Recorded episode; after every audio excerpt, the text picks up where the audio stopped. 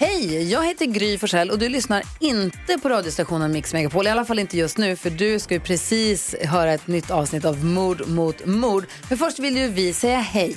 Hej, hej, det här är NyhetsJonas. Det här är Carolina Widerström. Och här är Gullige Dansken. Ja, och så Gry då. Och det vi vill säga att när du har lyssnat klart på den här podden, då får du gärna lyssna på våran. Vi spelar in ett nytt avsnitt varje morgon av våra podd Kvartsamtal. Och hela radioprogrammet blir ju också en podd om man är väldigt morgontrött eller så. Just det, om man missar morgonen ja. Men mest av allt så får du gärna lyssna på programmet i direktsändning varje morgon på Mix Megapol. Live varje morgon från klockan sex och då har vi med oss massor med vänner också. Thomas Bodström, Babben Larsson, Johan Pettersson, Christian Luuk. Massor med coola människor som bara dyker upp och gör livet bättre. Ja, som jag, Gullige Dansken. Exakt så. Och så mycket bra musik och annat skoj såklart. Så vi hörs när du vaknar på Mix Megapol. Podplay.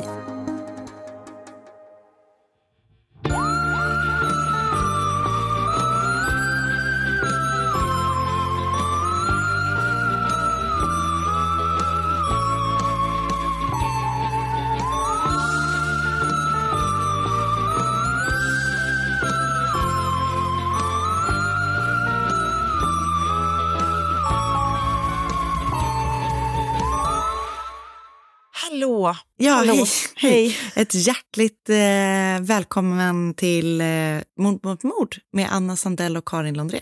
Precis, ett hjärtligt välkommen till just dig. Ja, Dig. just du som lyssnar i detta nu. Någonstans ute i sommaren. Hur är läget? Det är, eh, jo men det är bra. Jag är ju i sista arbetsveckan innan semestern. Ehm, Ja, men hur känns det?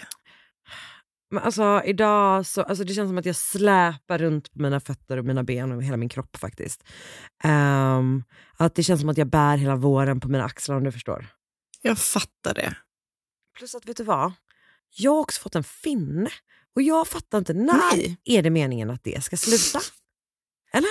Ja, du vet, vissa har det hela livet, Karin. Men man undrar om du vet om det kommer, man undrar om det kommer bli så som, men du vet så som när det slår över till, för folk att vara så här. nu blir jag glad att de frågar efter lägg på systemet. Tror du att samma sak kommer hända med min finne?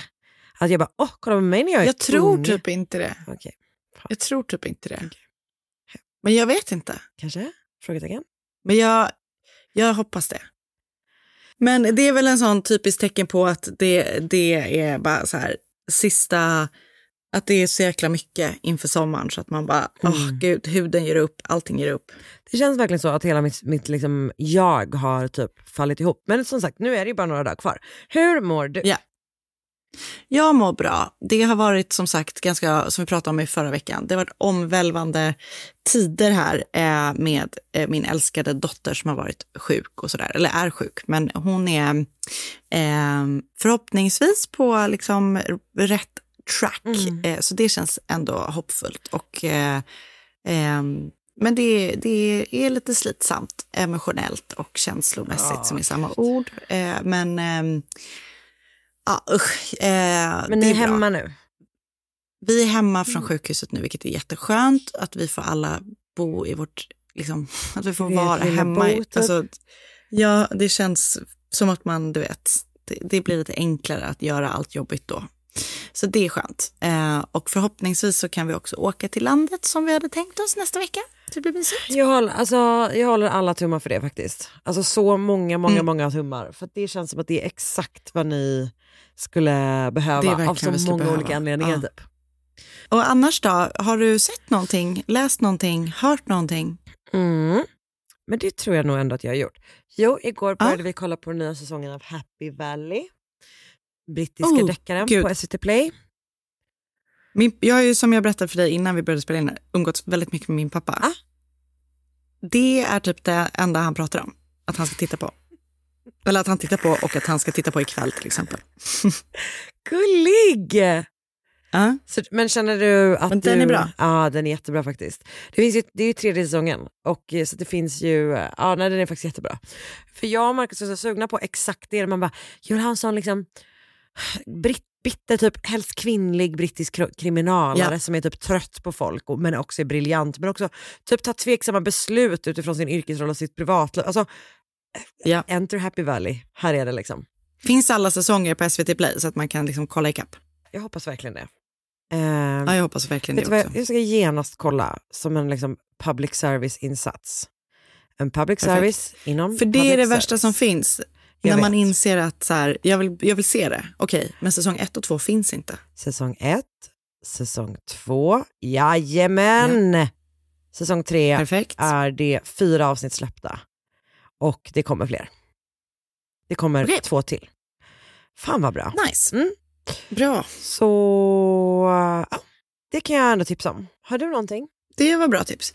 Ja, alltså vi började titta på en hederlig spionserie. Mm. Som är väl kanske liksom, båda mina tips kommer kanske vara lite borderline egentligen, true crime. Ja. Men jag kör. Eh, den heter eh, Spy slash Master och det är en rumänsk-engelsk Netflix-serie. jag, jag tipsar lite om det också för att jag känner mig så smart som tittar på en serie som är inte bara engelskspråkig eftersom det kräver otroligt mycket uppmärksamhet från mig. Vilket jag brukar inte... Ja. Den är en så här habil... Liksom den fun- det är en spionserie som utspelar sig på 1978. Och du vet, det är någon som ska deflekta och lite sådär. Heter det deflekta? Eh, hoppa av liksom. Ja. Ja, jag vet inte om det Jag vet inte Nej, om jag det är ett verb. Skitsamma. Jag gjorde det till ett verb. Ja, gud. Ehm, Alltså, oavsett Den heter den inte så den- på svenska kanske. nej, nej, nej, nej, nej, nej, nej. Men jag gillar det väldigt mycket. Eh, ja, ja, Okej, men och vart fanns den sa du? Eh, Netflix den- sa du? Eh, Netflix, Mm. den tycker jag ändå liksom är ja, men, sådär. Så perfekt sommarserie känns det som. Eh, sen såg vi i helgen en dokumentärserie som heter Happy Shiny People. Mm. Som handlar om en familj som heter The Duggar Family. En, alltså det är en liksom, dokumentärserie. Och The Duggar Family var en av de första liksom, reality-familjesåpan på TLC, som är världens bästa kanal för övrigt. Eh, som är... Eh, de är alltså eh, en frireligiös eller liksom kristen familj i USA.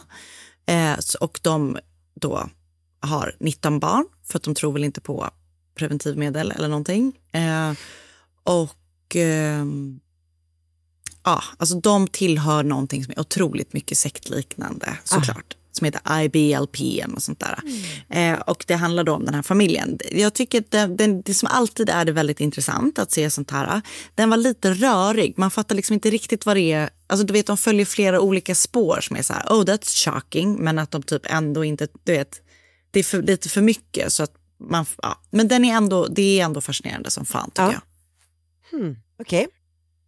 Det är sexuella övergrepp och sånt där, väldigt hemskt. Och vart sa du att den var?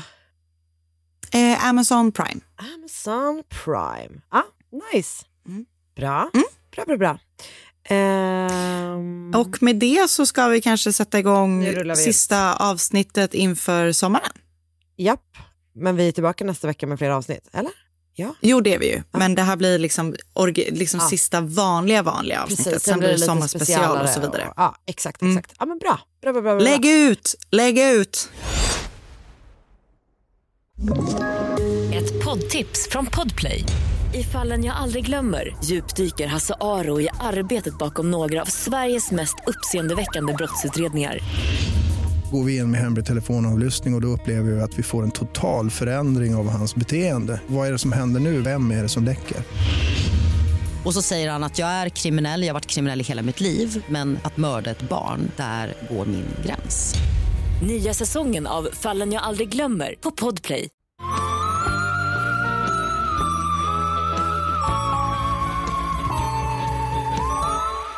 Det är jag som börjar den här veckan, för du har börjat två veckor i rad. Vad bra gjort av mig. Varför har jag gjort Ja, men det, jag tror att det var för att eh, mitt barn skrek Ja, sist. ja, ja, just det, just det, just det. Bra. Mm. bra. Det var Så bra det, gjort. det är all good. Ja, bra. All good. Okej. Den 15 år gamla Lawrence Haggart bodde med sin mamma och sina två bröder John och Dennis i en stad som heter Larbert i Skottland. Nu, nu tog jag tillbaka till förra veckan när jag sa Liverpool. Saknar. Tänkt på många Saknar. gånger sedan dess. Piggat upp. Exakt, jag med. Piggat upp, verkligen. Um, Okej, men de bor i Larbert i Skottland och året vi ska till det här avsnittet är 1996 och Lawrence då är 15, åring, 15 år gammal. har precis blivit utvald till fotbollslaget Celtics, som är liksom, eller deras ungdomslag. Liksom. Och han målas då upp här eh, som eh, Celtics nästa stora eh, stjärna helt enkelt. Vilket ju är asfett för honom, för det är liksom ett av de liksom, två stora lagen. Man ska säga. Och eh, det är också väldigt speciellt för hela familjen, för typ hans farfar eller någon sån liksom, äldre släkting har också spelat för Celtics. Och Lawrence, ehm, en kväll i mars 1996 har Lawrence varit ute med sina polare. Han kom hem runt halv elva. Han hade hemmatid klockan tio, så båda hans bröder sa till honom att så här, du är sen och det blir tjafs kring det den här kvällen. För hans äldre bror eh, har då, som är 17 år och Lawrence är då 15, har ansvar för att Lawrence och den yngre brorsan, som då var 12, ska vara liksom, han har ansvar för dem, att de ska vara hemma, att de ska hålla sina tider och sköta sig och allt sånt där. Medan deras mamma då är ute på eh, något slags kalas. Så han kommer hem sent, bryter sitt curfew.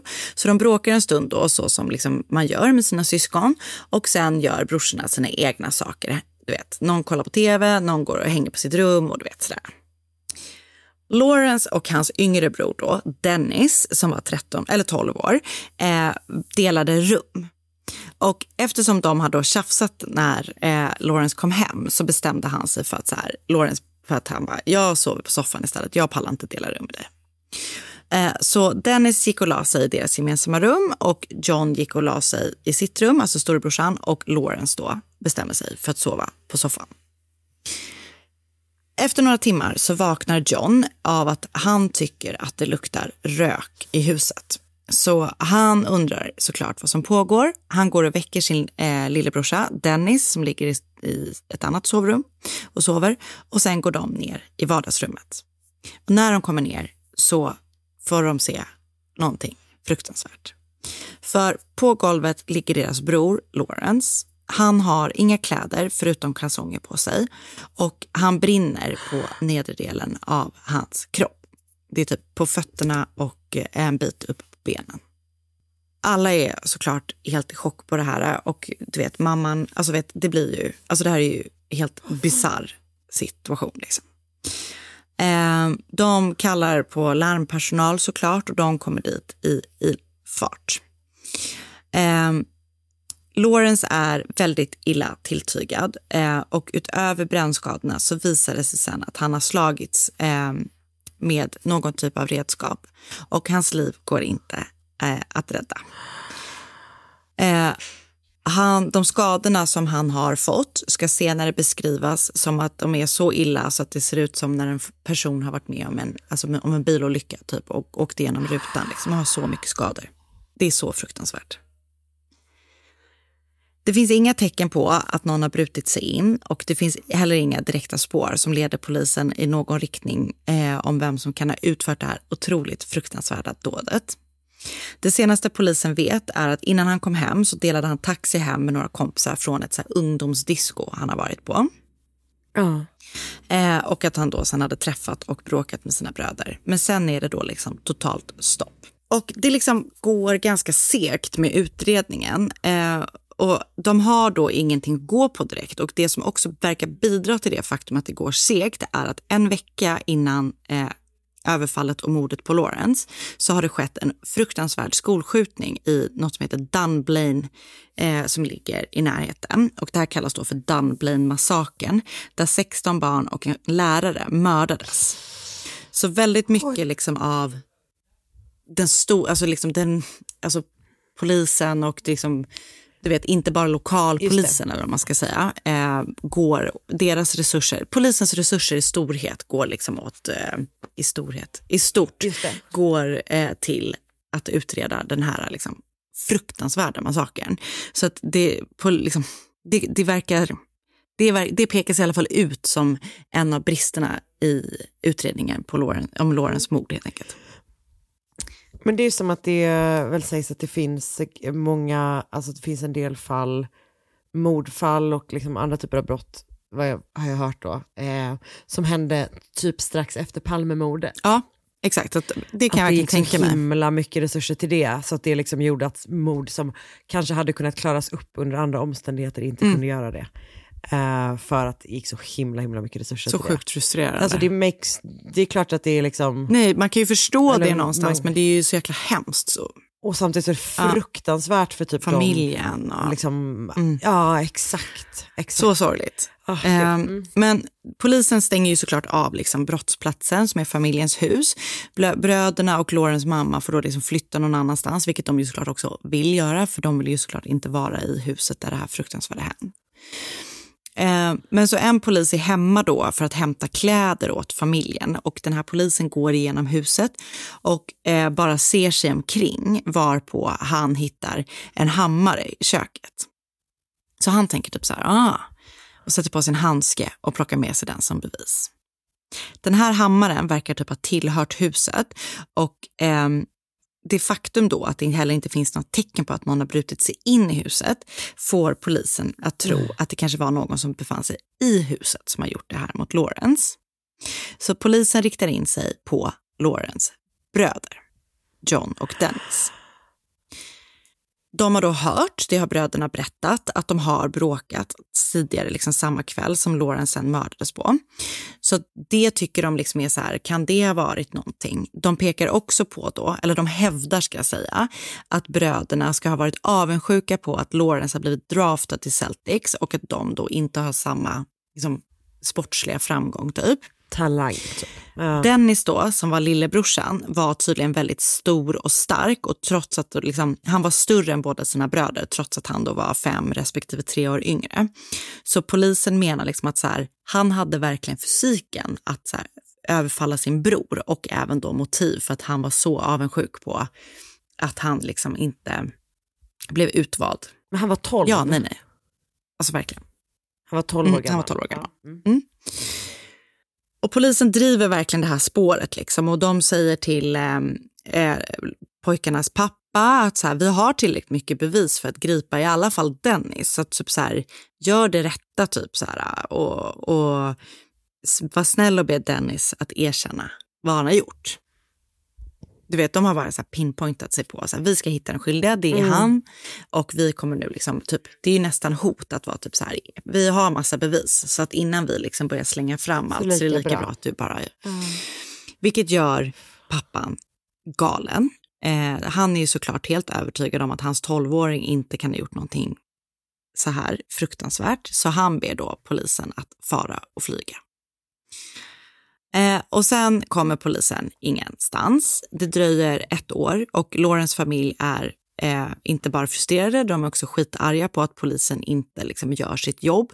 De, eh, du vet, är, ja, tycker, de liksom är väldigt verbala med att polisen gör ett skitjobb helt enkelt.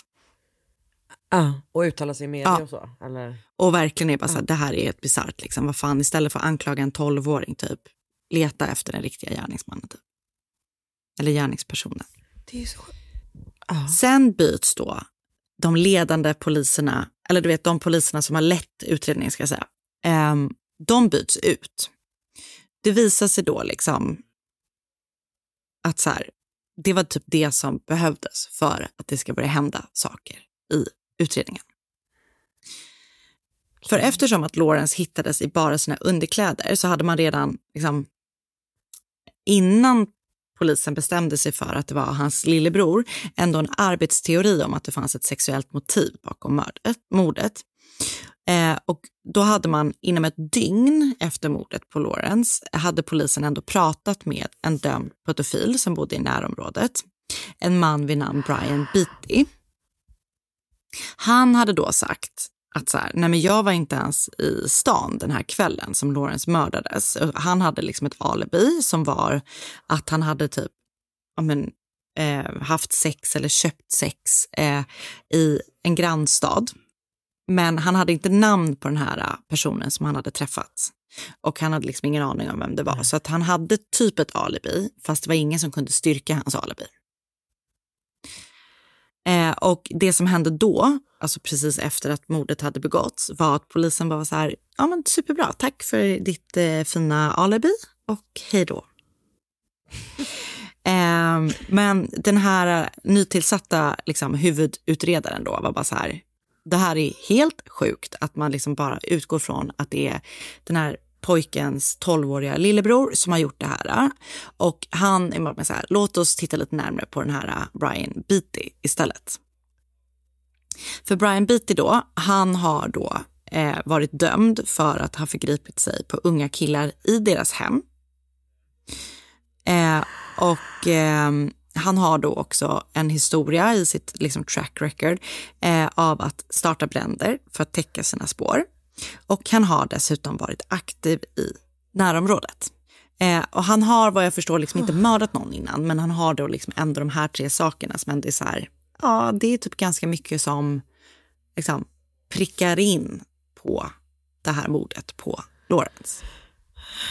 Ja.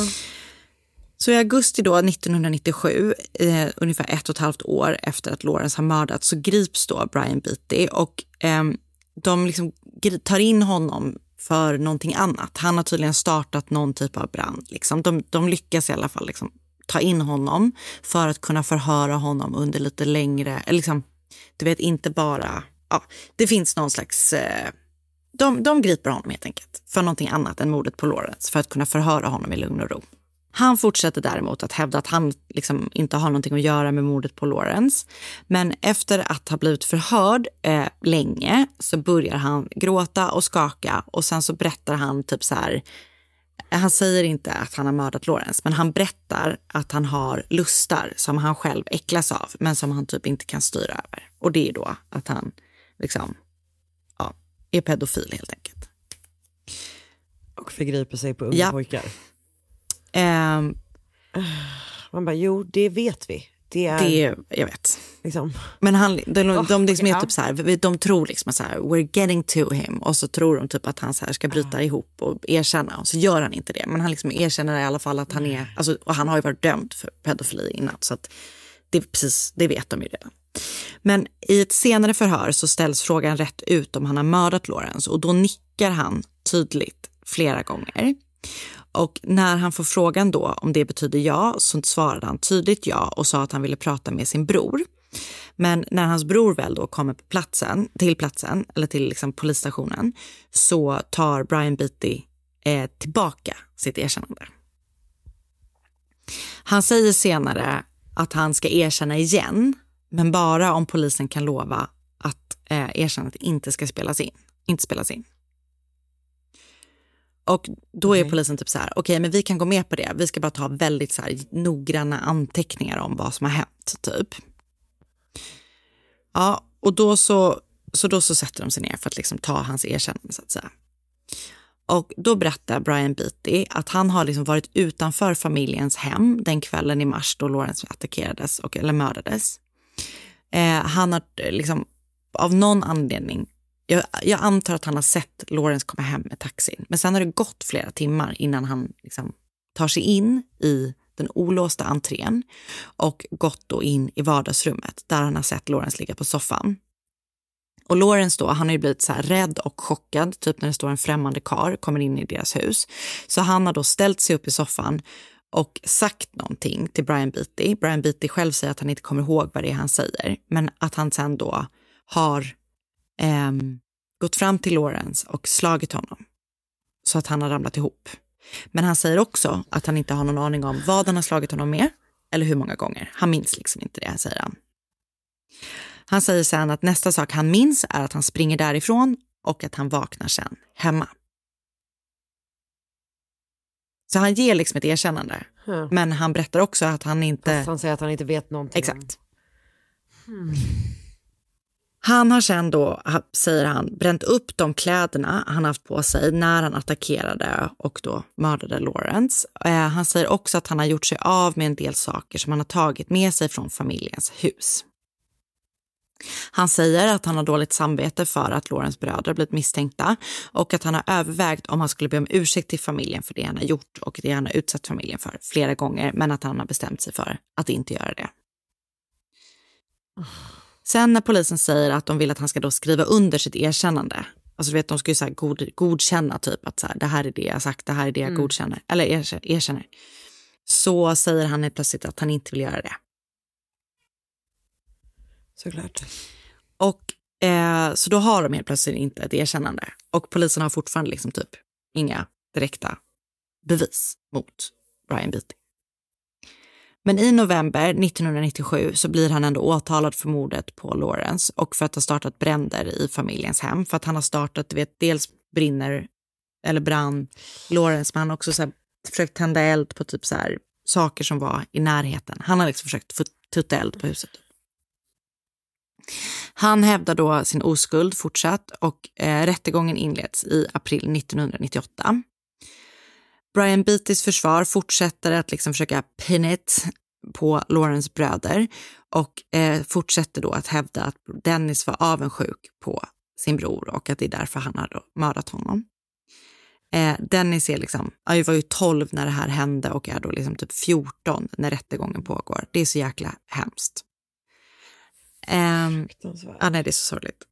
Försvaret och Brian då nekar att Brian, att, det liksom, att han har sagt det här som polisen menar att han har sagt. Han säger att han har blivit slagen av polisen för att erkänna och hävda att hans alibi fortfarande gäller. Eh, Brians granne då hävdar att så här, nej men han var hemma liksom större delen av kvällen. Han har i alla fall inte varit i en grannstad och du vet så här, ja, det, det, grannen har liksom något slags som talar mot hans alibi. Försvaret menar vidare att polisen var oskyldig, eller desperat att hitta den som var skyldig och att de i sin desperation har då gjort vad som helst och att de har hittat Brian som en väldigt så här, lämplig contender och ehm, Ja. eh, så här, gjort allt då för att sätta dit honom fast att det inte var sant, att det var han som var skyldig. Så är det liksom massvis med fram och tillbaka och du vet så här, åklagarna pekar på vissa saker och försvaret visar på andra saker. Så där. Eh, juryn landar till slut i en dom mot Brian Beatty. De kommer fram till att han är skyldig till mordet på Lawrence och för att ha startat bränder hemma hos familjen Haggart. Han dömdes till livstid i fängelse för mordet på Lawrence med chans till frigivning efter 15 år. Eh, han dömdes också till eh, fängelse för bränderna och det straffet skulle avtjänas parallellt med det första straffet. Lawrence familj var såklart lättade att de äntligen liksom hittat någon som, eller den skyldige, eh, även om det då var väldigt upprörda över att det tagit så lång tid att göra det. Och att det skett så mycket slarv på vägen till en dom. Liksom. Eh, För polisen förhörde ju Brian Beatty dagen efter att Lawrence liksom attackerats, men utan att kolla upp hans alibi. Eh, de hade ju också liksom aggressivt pekat ut Dennis som den skyldiga, något som såklart påverkade hela familjen.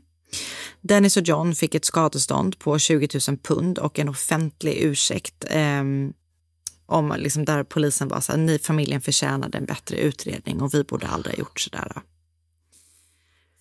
Trots det då, det är ju väldigt lite, liksom ändå föga tröst för liksom allting som polis, eller familjen har fått genomstå. Men eh, Lawrence pappa ville då också att de poliser som tabbat sig, eller vad man ska säga, eh, skulle säga upp sig och sluta arbeta som poliser.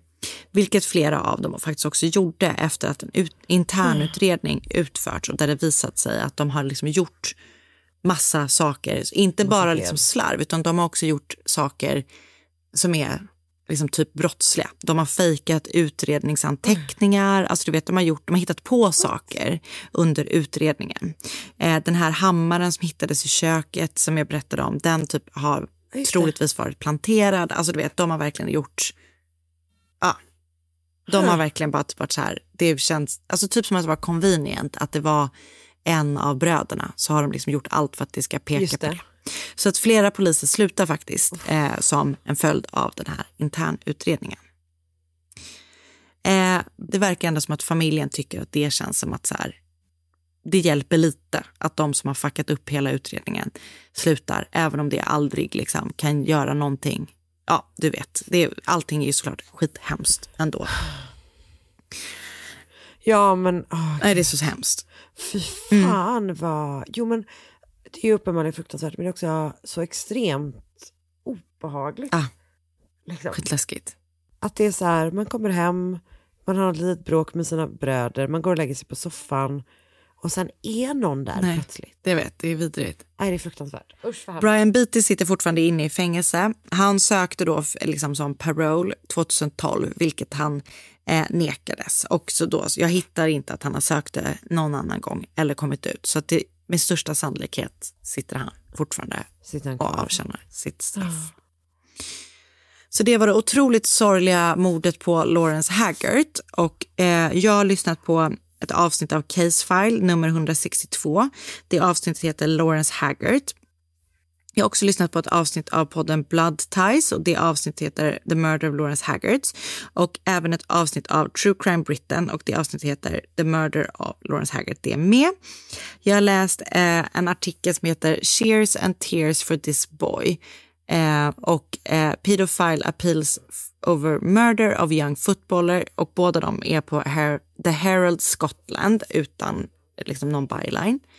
Och så har jag läst The Celtic Starlet Killer Could Be Free Within Months på The Star skriven av Paula Murray och flera inlägg på något som heter Celtic Wiki under inlägget på The Murder of Lawrence Haggart 1996.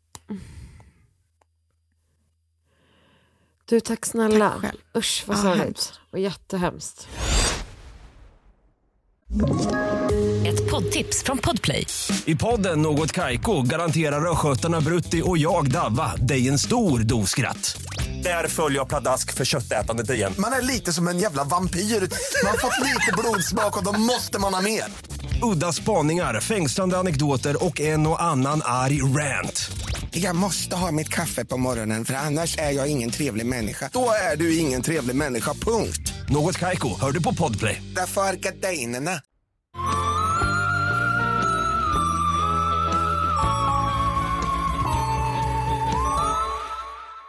Nu är det dags för min halva. Ja, Ehm, jag och- ser fram emot det. Mm, Bra, den börjar lite grann så här. Tvillingarna Janet och Selina Müller föddes i Berlin 1994 och ganska snart stod det klart att de skulle växa upp själva tillsammans med sin mamma Ramona. Eh, och, 94. ja exakt, och de blev liksom en väldigt så tight trio. Ehm, Ja. sådär i familjen. De hö- höll ihop i liksom vått och torrt och flickorna var väldigt, väldigt nära sin mamma. Ehm, de började prata ganska sent, de var typ i fyraårsåldern, men redan innan så kunde de kommunicera sinsemellan, alltså Janet och Selina.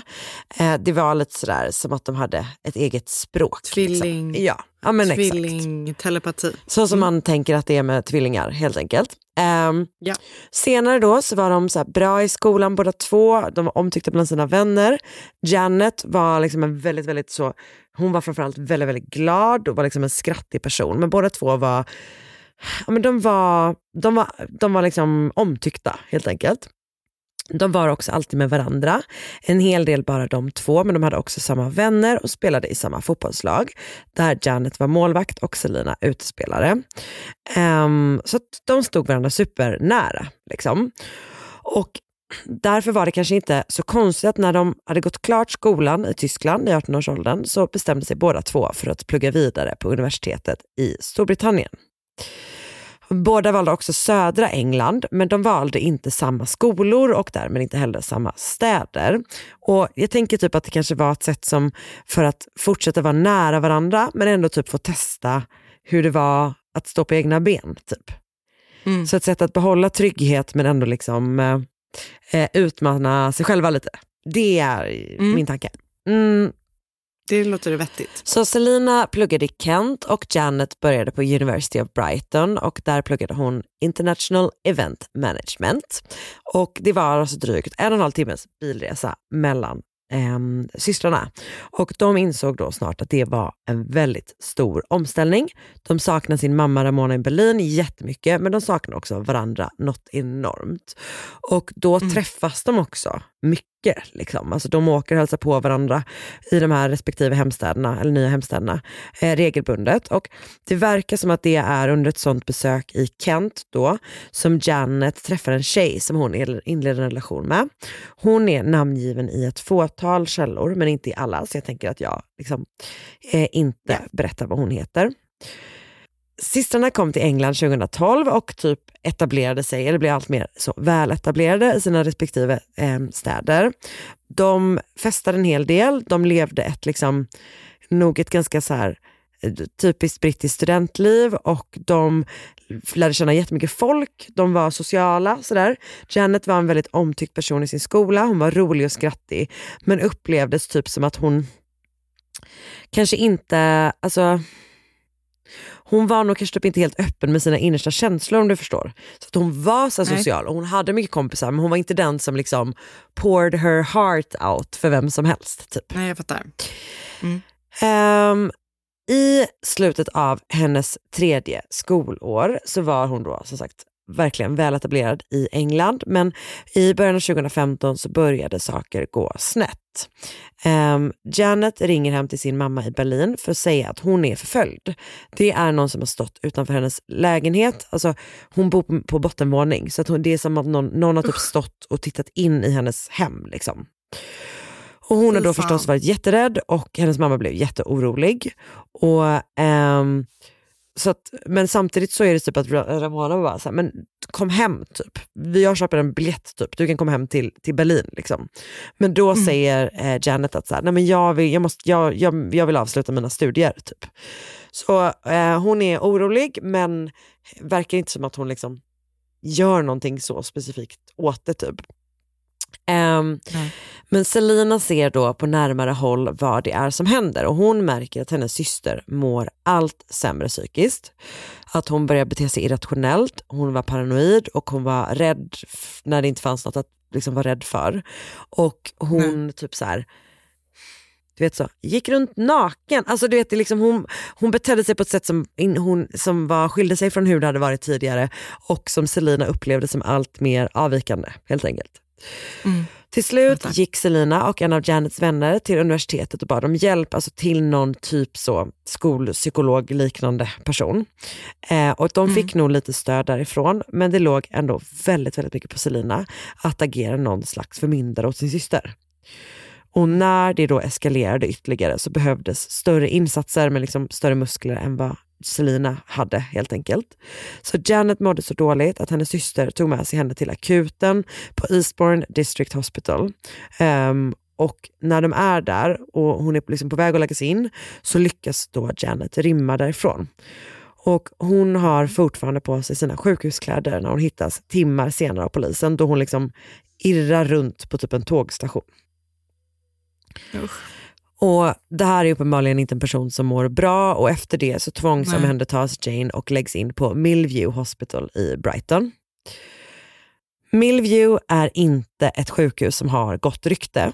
Det är liksom underbemannat, utsatt för nedskärningar och man har vid flera tillfällen misslyckats med att skapa en miljö som är trygg för patienterna. Och det är väl exakt sånt här som händer helt enkelt när man skär i vården. Alltså du vet så här, en sjuksköterska tvingas göra flera sjuksköterskors jobb eller man sätter in outbildad personal där det är tidigt för att de är billigare arbetskraft. Alltså jättemycket sånt liksom. Och det har bland annat lett till då att patienter har skadat sig själva och andra. Typ. Så det har varit en, ja men inte en trygg miljö för eh, patienter som ska vara på ett ställe där de ska få vara trygga. Helt enkelt. Ja, jag fattar. Och läget på Millview när Janet kommer dit är exakt sådär. Det är för lite personal så de som är där har väl ingen direkt möjlighet att göra sitt jobb så som de förstås önskar att de kunde. Så när Ramona ringer till sjukhuset får hon höra att allt är bra, hon behöver inte oroa sig. De ska typ bara så här eh, undersöka Janet eller typ behålla henne där en kort tid för att typ ta reda på vad hon behöver. Men hon får inte prata med sin dotter. Så, utan de säger att så här, om du vill prata med Janet så måste du ringa till pa- patienttelefonen.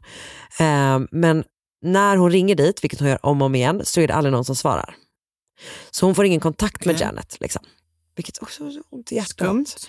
Ehm, så hon är ju superorolig och när Selina varit där och hälsat på och berättar om vad hon sett så blir hon bara ännu mer orolig för det är liksom men typ mer eller mindre kaos.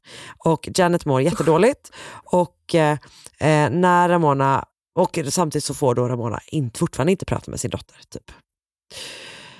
Tio dagar efter att hon lagts in rymmer Janet från Millview och hittas flera timmar senare vid typ en så här, utkiksplats eller liksom någon slags, det beskrivs som en beauty spot så jag tror bara det är en vacker vacker miljö typ.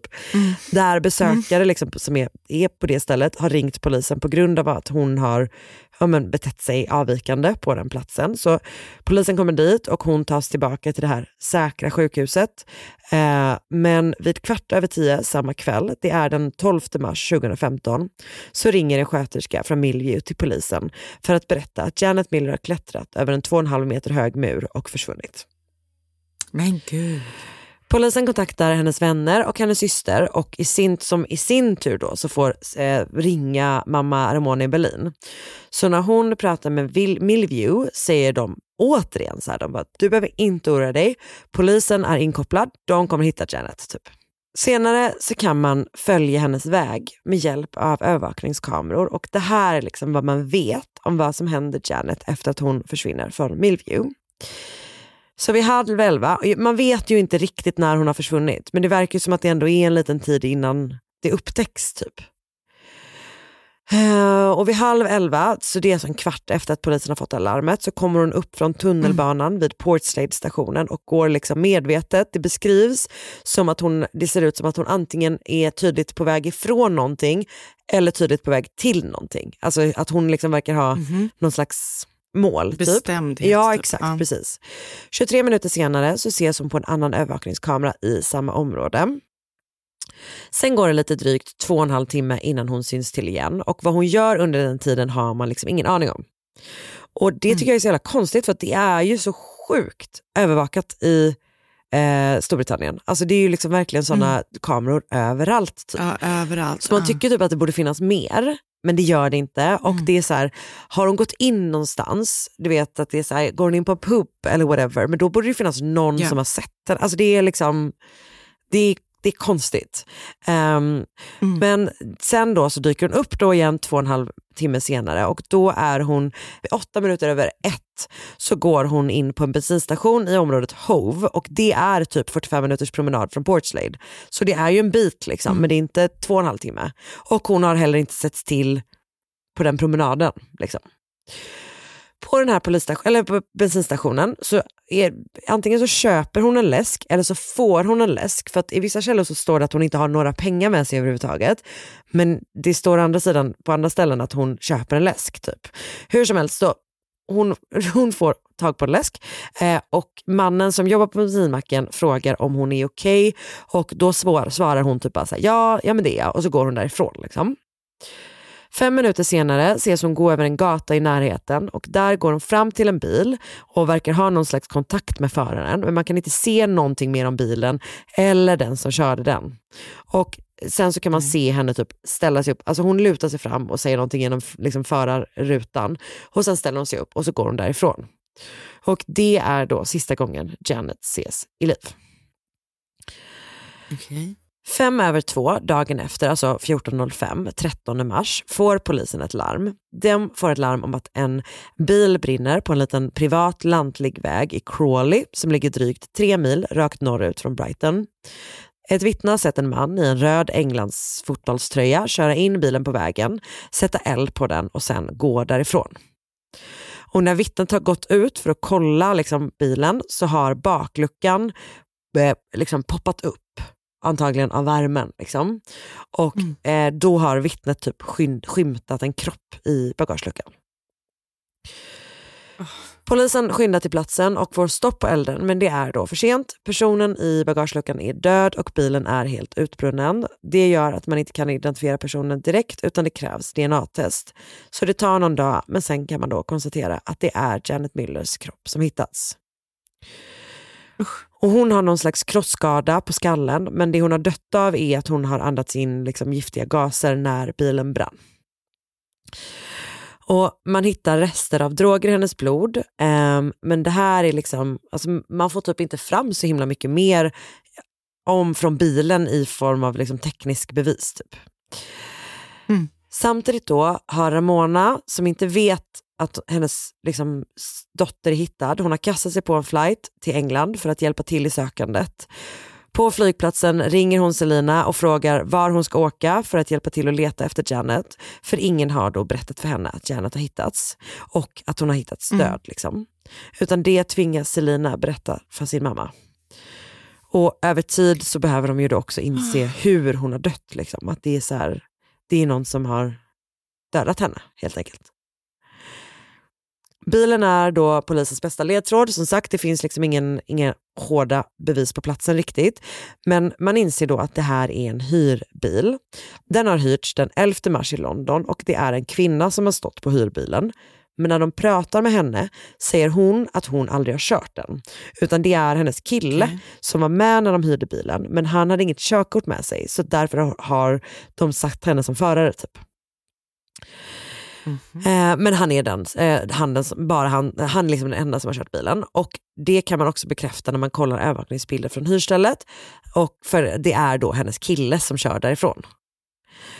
Okay. Och han heter Christopher Jeffrey Shaw och han är försvunnen. Så Christopher Jeffrey Shaw var några år äldre än Janet, född typ 89 verkar det som. Han var från Lakeside i sydöstra London. Där hade han två barn med en kvinna som hade levt, han hade levt med under någon längre period. Men de hade gjort slut och eh, så att den här tjejen som hade hyrt den här bilen var liksom en, en relativt ny relation. Det gick inte superbra för Christopher i livet. Han stod nog och stampade kan man säga. Han hade haft problem med droger och hade nog dessutom sålt lite droger och sådär. Han var tidigare dömd för utpressning och någon slags trakasserier. Och när polisen pratar med folk runt omkring honom så får de veta att han är något av en mytoman. Typ. Alltså, eh, de får höra att så här, han är en person som gillar att bre på och typ hitta på historier för att få honom att framstå som en liksom större, a bigger man än vad han var, eller man ska säga, en mer imponerande person. typ. Och i det här fallet så har det kanske inte handlat om att han bara har hittat på att han har fått 2,0 på högskoleprovet, utan snarare typ, jag är typ en riktig gangster. Alltså du vet så. Men Mm. egentligen så är det, verkar det snarare som att han har varit liksom lite så småkriminell som kanske typ har fått eh, en del dåliga kontakter för att han typ har knarkat och har jobbat av en annan skuld. Alltså lite grann, lite mer så. typ. När polisen pratar med flickvännen så berättar hon att Christopher hade nämnt något om en situation där en flicka hade dött dagarna efter Janets försvinnande. Men flickvännen trodde att han hittade på. Vilket man bara, mm, om din pojkvän hittar på sådana saker, jättebra om han ja. inte är din pojkvän längre. Alltså Ehm, verkligen. Ja. Och han höll sig undan, liksom. men polisen kan då samtidigt tracka hur bilen han körde hade rört sig de där avgörande dagarna. Den 12 mars, alltså kvällen då Janet försvann, hade bilen varit i Brighton, vilket ju är därifrån hon, var hon försvann. Liksom. På småtimmarna så kördes den till Crawley, vilket är där den hittades brinnande, men sen tillbaka till London. Dagen efter körde han till en bensinmack där han köpte bensin som han hällde i en, liksom, i en, alltså i en kanna typ och ställde i baksätet innan han körde bilen tillbaka till Crawley. Så att resan går liksom Brighton, Crawley, London, Crawley med ett stopp för en, en bensinstation där i mitten. Liksom.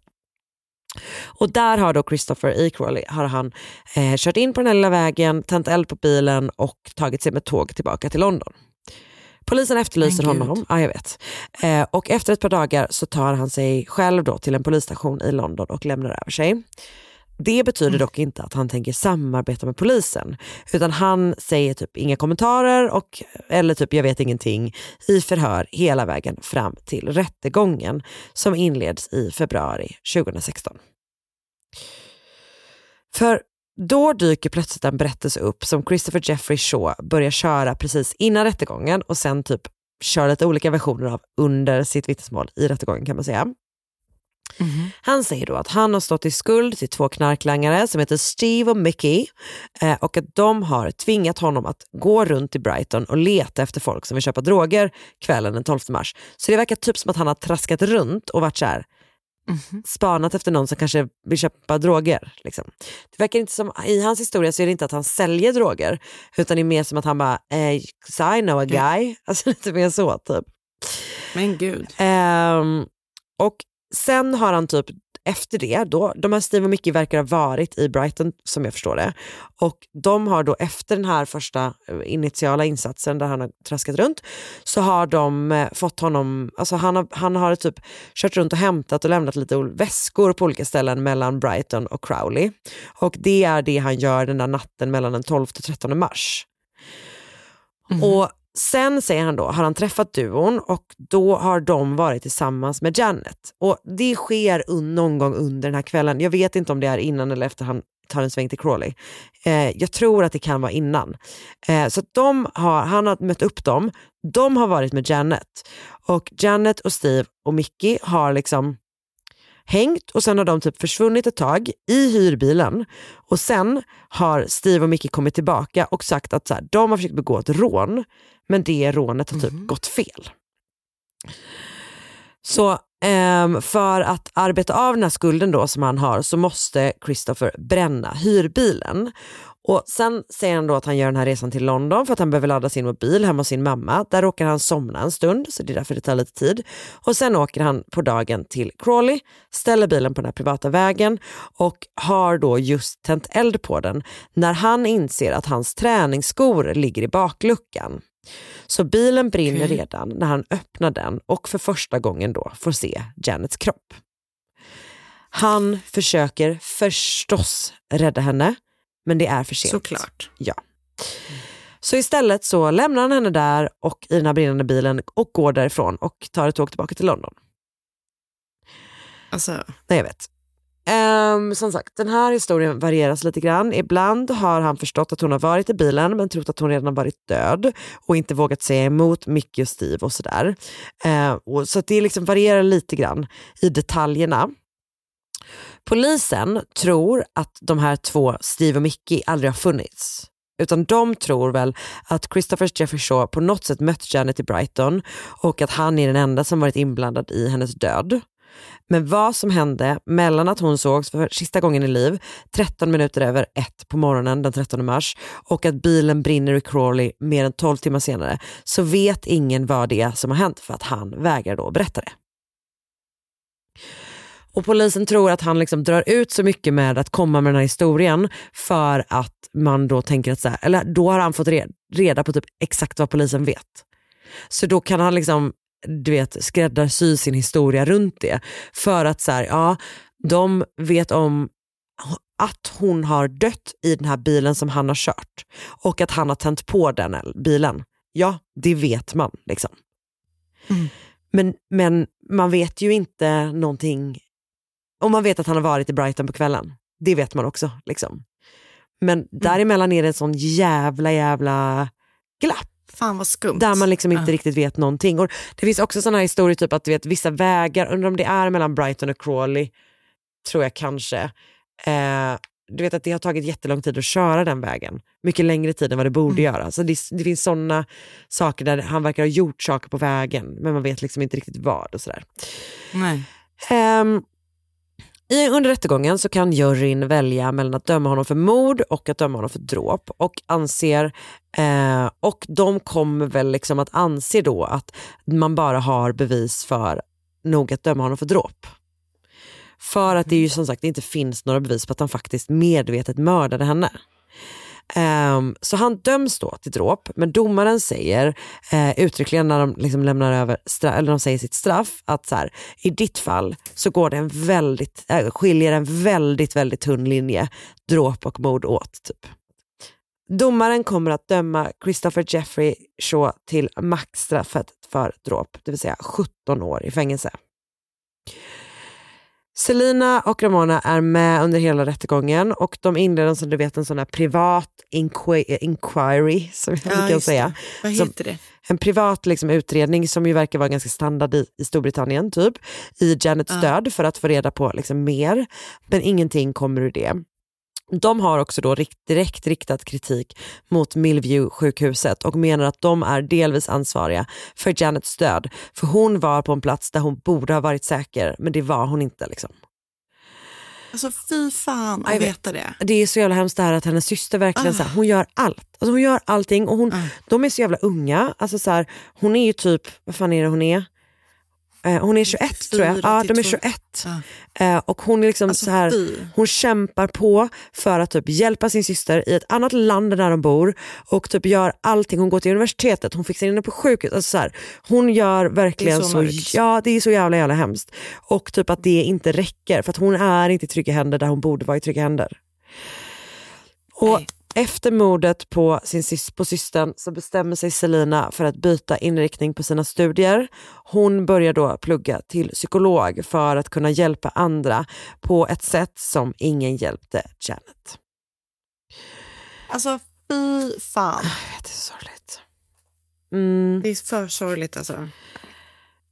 Jag har sett avsnitt 10, säsong 1 av serien When Missing Turns to Murder som finns på Netflix, eh, som handlar om det här fallet. Jag har också läst på Crime and Investigation om fallet, fallet och det är då en Crime and Investigation-serie, eh, den här When Missing Turns to Murder. Det finns många, många nyhetsartiklar på BBC om Janet Miller och så har jag lyssnat på två poddavsnitt som jag tycker har sina eh, respektive problem kan man säga. Eh, de heter Strange Stories UK, avsnittet heter The Brighton University Student eh, Jane, Janet Miller Murder in 2015 och det går verkligen in i typ rättsprocessen med många detaljer. Och det andra, den andra podden heter Real och avsnittet heter The Extraordinary Case of Janet Miller. Usch, vad sorgligt. Ja, jag vet. Det är något så hemskt med just det där när man, du vet den här grejen att man, man ber om hjälp och man fixar hjälp till sina anhöriga och så räcker inte det för att det kommer något jävla as och typ utnyttjar den situationen. Det är så jävla hemskt. Och den här stackars stackars mamman som sitter i Berlin och inte får reda på någonting och typ inte får prata med sin dotter. Äh, Det är, jag vet Det är för Det sorgligt. greppade tag i mig. Det var väldigt hemskt. Mm, Det var hemskt. Men du, tack för att du ville Tack, lyssna Karin. och tack till er andra som var med oss på den här super, super, super, super eh, sorgliga jävla resan. Ehm, vi är tillbaka nästa vecka Ehm, och tills dess så tycker vi verkligen att ni ska ha en, en fin vecka helt En enkelt. toppen, toppenvecka. Mm, Verkligen. Okej, Du med Karin. så med det, ja, men då detsamma till dig. Um, hej då! Hej då!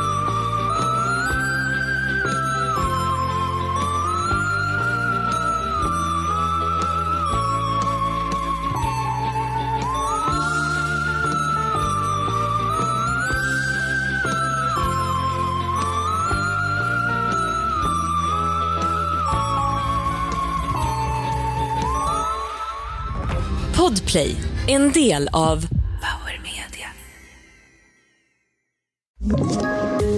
Poddtips från Podplay. I podden Något Kaiko garanterar östgötarna Brutti och jag, Davva, dig en stor dos skratt. Där följer jag pladask för köttätandet igen. Man är lite som en jävla vampyr. Man har fått lite blodsmak och då måste man ha mer. Udda spaningar, fängslande anekdoter och en och annan arg rant. Jag måste ha mitt kaffe på morgonen för annars är jag ingen trevlig människa. Då är du ingen trevlig människa, punkt. Något Kaiko, hör du på Podplay. Därför arkadeinerna.